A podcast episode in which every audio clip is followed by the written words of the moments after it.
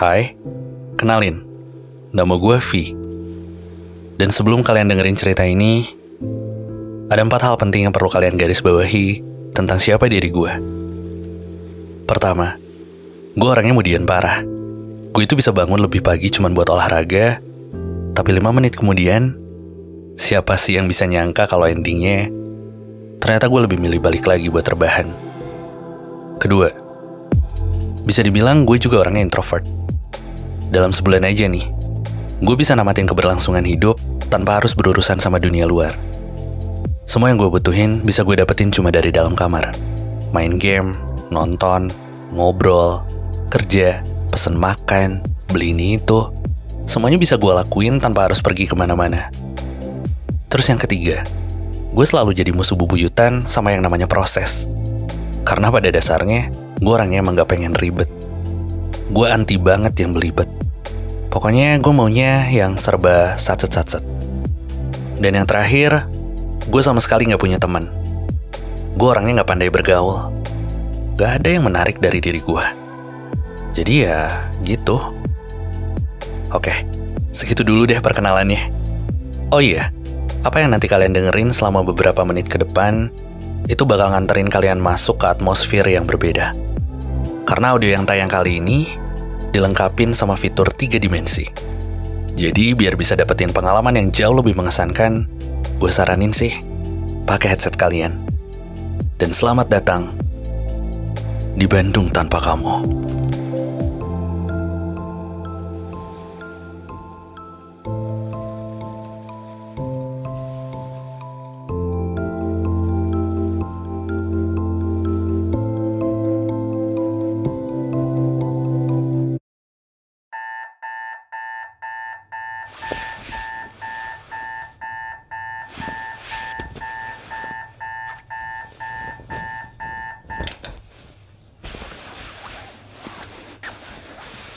Cerita ini dimulai saat tahun baru tinggal menghitung hari.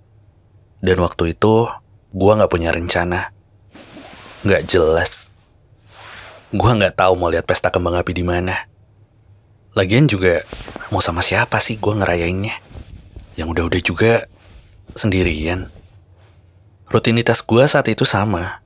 Cuma selonjoran di atas kasur, mainin HP, mencetin remote TV, Sampai nggak sengaja gue nontonin satu berita yang bikin gue jadi bete. Pemirsa puncak perayaan malam pergantian tahun baru di beberapa titik pemirsa. Lalu seperti apakah persiapannya? Ngeselinnya lagi, gak lama kemudian, salah satu karyawan di kantor tempat gue kerja ngehubungin gue. Bro, bangun bro. Bangun, bangun. Kenapa? Woi, woi, halo. Iya, apa? Laporan lu mana? Udah ditanyain tuh sama si bos. Woi, wah masih ngantuk nih anak. Apa? Kerjaan lu kapan mau kelarnya? Iya, iya, ntar gue beresin ah. Beneran ya? Mm-mm. Soalnya gini bro, bukannya gimana-gimana ya. Itu anak-anak kan mau buru-buru ngambil cuti. Jadi semua kerjaan harus diberesin. Iya, iya, gue paham. Soalnya kita-kita kan pada mau ikut acara tahun baruan bareng kantor. Mumpung si bos lagi baik nih. Kapan lagi coba kita diajak liburan ke luar negeri? Jadi please banget bro, beresin ya. Oke, Ya udah deh. Eh, BTW lu juga ikut kan? Ntar kan berangkatnya bareng rombong.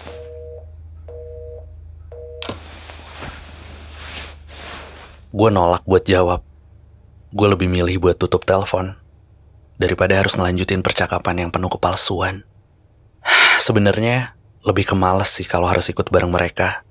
Bisa dibilang di kantor, kayaknya cuman gue doang deh yang jarang banget interaksi sama orang-orang.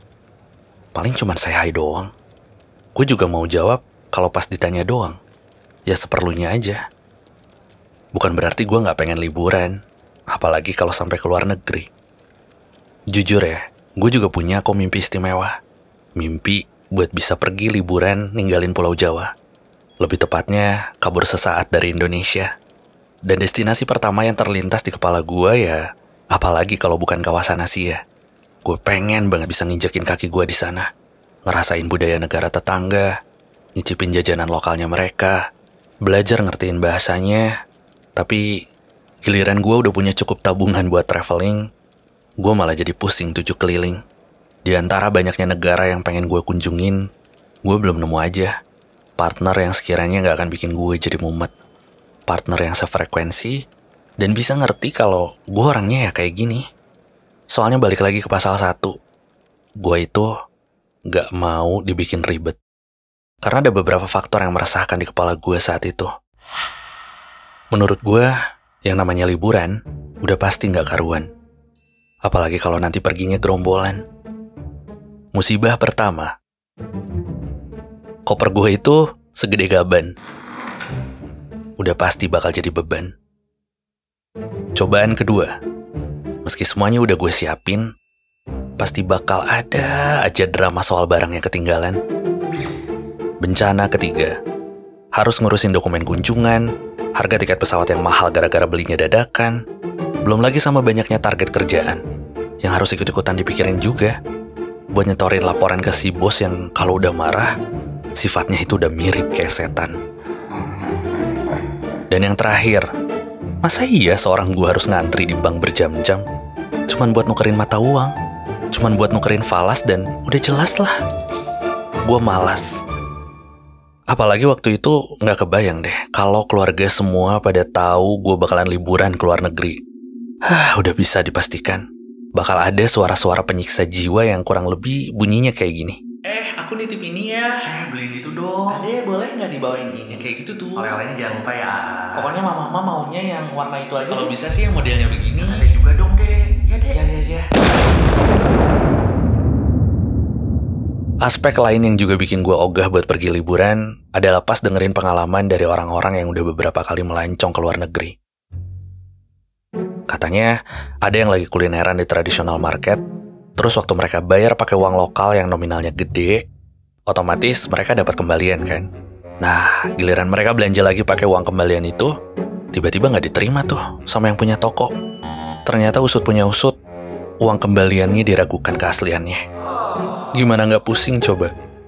Terus ada lagi nih, ada orang yang habis narik cash dari mesin ATM, eh apesnya malah kecopetan dong. Udah mah katanya ngambilnya nggak sedikit, bukannya seneng malah jadi sakit. Berkaca dari kejadian di atas, ada benernya juga sih. Kita nggak akan pernah bisa ngejamin kalau setiap tempat yang nantinya kita kunjungin itu beneran aman atau enggak. Karena banyak banget resiko yang harus dipikirin, biar nggak mendadak jadi turis yang tiba-tiba miskin. Waktu itu gue udah putusin, kalau tahun baru, kayaknya gue gak akan pergi ke mana-mana. Gue ngerasa canggung kalau harus terlibat sama mereka-mereka yang dirasa-rasa gak cocok sama gue. Di satu sisi, gue juga gak bisa nolak kepribadian gue yang kayak gini. Gue gak bisa tutup mata sama apa yang terjadi di diri gue. Gue emang memprihatinkan.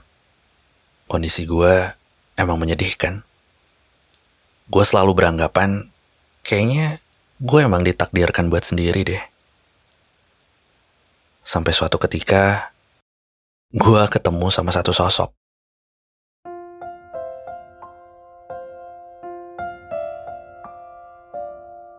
Sosok ini udah ngerubah pola pikir gue tentang dunia pertemanan. Sosok yang sukses memperluas sudut pandang gue sama yang namanya persahabatan. Dengan penampilannya yang sederhana, Simpel, ramah dan cekatan, semua itu berhasil bikin jantung gue deg-degan. Gue yang tadinya ngerasa cemas akan kekurangan, pelan-pelan gue jadi punya pegangan. Gue yang tadinya males mikirin masa depan, lambat laun gue jadi punya harapan. Setelah sekian lamanya berkenalan, untuk pertama kalinya dalam hidup gue yang membosankan, akhirnya jiwa ini terselamatkan. Gue berdamai sama diri gue sendiri. Alhasil, gue berbaikan. Rasanya tuh kayak lagi dipeluk sama keajaiban. Keajaiban yang bikin kita berdua sepakat buat ngerayain tahun baruan. Gak cuman buat satu hari dua malam. Kita benar-benar bikin daftar tujuan yang bisa bawa kita lebih dari sekedar jalan-jalan. Kita mendarat di Malaysia, makan siang di Singapura, sampai naik gajah raksasa Thailand yang super mempesona. Gara-gara dia, gue nggak perlu takut lagi buat transaksi di mana pun gue berada. Segala yang gue butuhin lebih cepat tersedia. Gue nggak perlu khawatir lagi buat belanja yang murah-murah. Karena dia hadir sebagai pencerah. Gak ada lagi yang namanya keteteran. Karena semuanya udah serba transparan. Hidup gua yang tadinya pasif, sedikit demi sedikit berganti jadi inklusif. Berkat dia, gue jadi bisa terkoneksi lintas negara. Hanya dengan minimal satu rupiah sampai berjuta-juta, bisa bikin gue jadi jatuh cinta. Bikin gue jadi kehabisan kata-kata. oh iya, gue lupa kasih tahu sama kalian sosok luar biasa yang dari tadi nemenin gue dalam cerita. Namanya Chris Cross Border. Sebuah sistem pembayaran digital yang dikembangkan secara apik oleh Bank Indonesia. Dengan kehadiran yang efisien, aman, dan nyaman, sanggup nemenin gue yang selalu ngerasa sendirian. Dan sekarang, kita udah jadi pasangan. Ke mana-mana kita bergandengan tangan. Semua beban kini jadi ringan.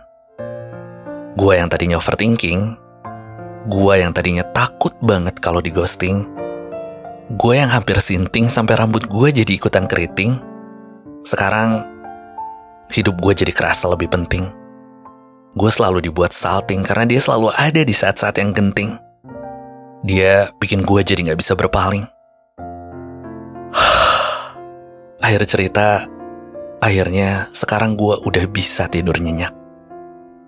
Karena krisnya satu, menangnya banyak.